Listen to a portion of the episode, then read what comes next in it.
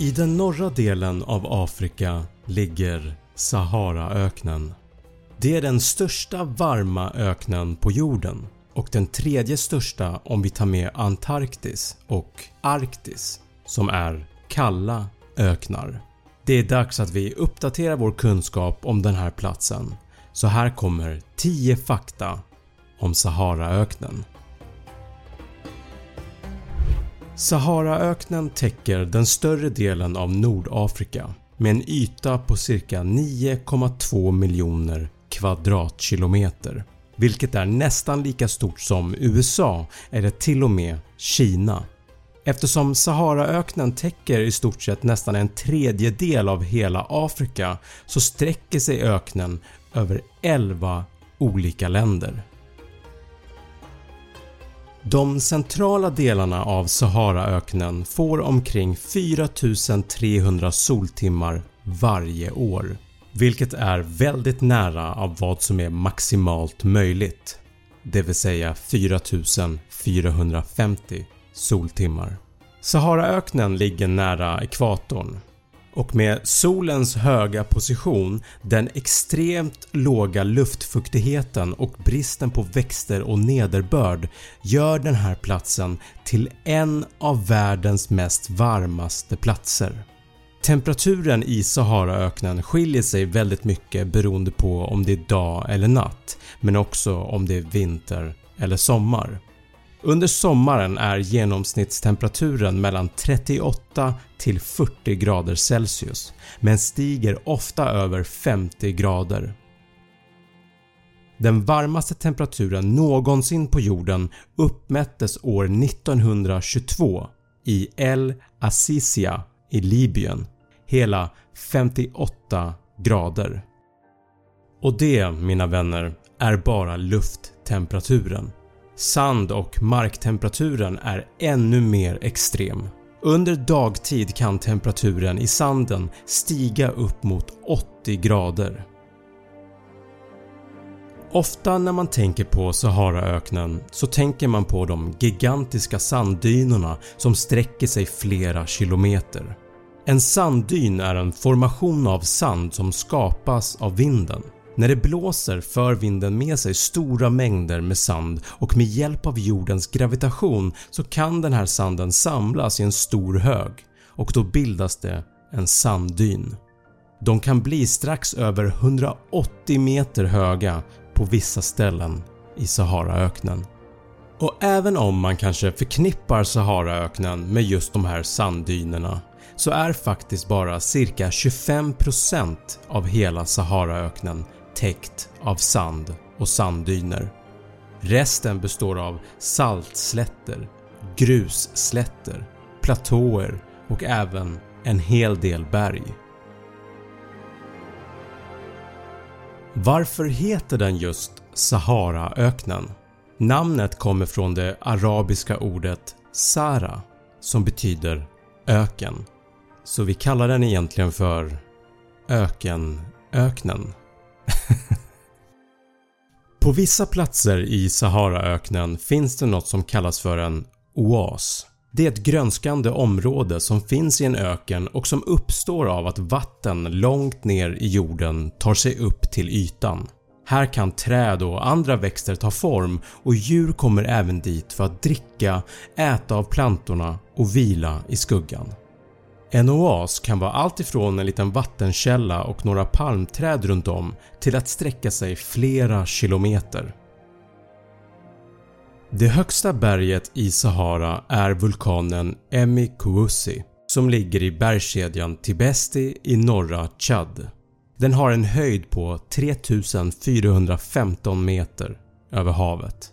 Senaste utbrottet var någonstans mellan 2,3 till 1,3 miljoner år sedan. Även om Saharaöknen kanske har ett av världens mest påfrestande klimat så är det ändå ett hem för en mängd olika vilda djur som har anpassat sig till omgivningen. Gaseller, strutsar, rävar, ödlor, ormar och skorpioner för att nämna några. Ett intressant djur i Saharaöknen är Adaxantilopen. Den har anpassat sig så väl för att kunna leva i öknens extrema förhållanden att den klarar sig nästan i ett helt år utan vatten. Även människor bor på den här platsen. Omkring 2,5 miljoner människor bor i Saharaöknen. Självklart är väldigt många områden helt tomma i öknen men där vatten och växtlighet finns så finns det även människor som lärt sig att leva och funnit en balans med den extrema naturen. Att ta sig runt i Saharaöknen gjordes traditionellt sett med kamelkaravaner där dromedaren, det kameldjuret med endast en puckel, var det djur som man använde sig av. Men resan över den varma sanden var långsam, påfrestande och farlig. Risken att gå vilse, den extrema hettan och kvävande sandstormar och att dö av törst var väldigt stor. Men handelsvägarna över Sahara var väldigt viktiga för det antika Afrikas ekonomi. I de här kamelkaravanerna transporterade man bland annat koppar, salt och guld. Ibland kunde de här karavanerna bestå av tusentals kameler. Genomsnittstiden som det tog för en karavan att ta sig över Saharaöknen med handelsgods var cirka 40 dagar. Eftersom Saharaöknen har så extremt många soltimmar varje år så vore det en utmärkt plats för att utvinna solenergi. Forskare har räknat fram att på bara 6 timmar får alla jordens öknar mer solenergi än vad människor förbrukar på ett helt år. Saharaöknen med sina 9,2 miljoner kvadratkilometer upptar ungefär 8% av jordens totala landmassa. Om vi enbart skulle täcka cirka 1,2% ungefär 110 000 kvadratkilometer med solpaneler så skulle det vara tillräckligt mycket för att täcka hela jordens energibehov. Och då kan man ju ställa sig själv frågan varför gör vi inte det? Ett problem är kostnaden. Att bygga solcellsanläggningar är kostsamt och det skulle bli dyrt att dra både kablar och bygga högspänningsledningar tvärs över hela Sahara. Ett annat problem är att det kan skada det globala klimatet. Ytorna på solpanelerna absorberar det mesta av solljuset men bara cirka 15% av den energin kan omvandlas till el. Resten av energin omvandlas till värme och skulle påverka klimatet negativt. Men de här negativa effekterna skulle endast bli märkbara om 20% av Sahara blev täckt av solceller.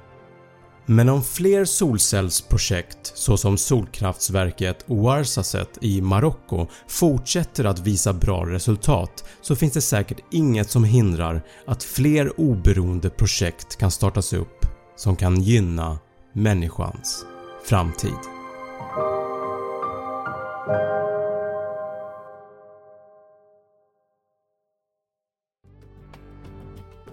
Det var 10 fakta om Saharaöknen.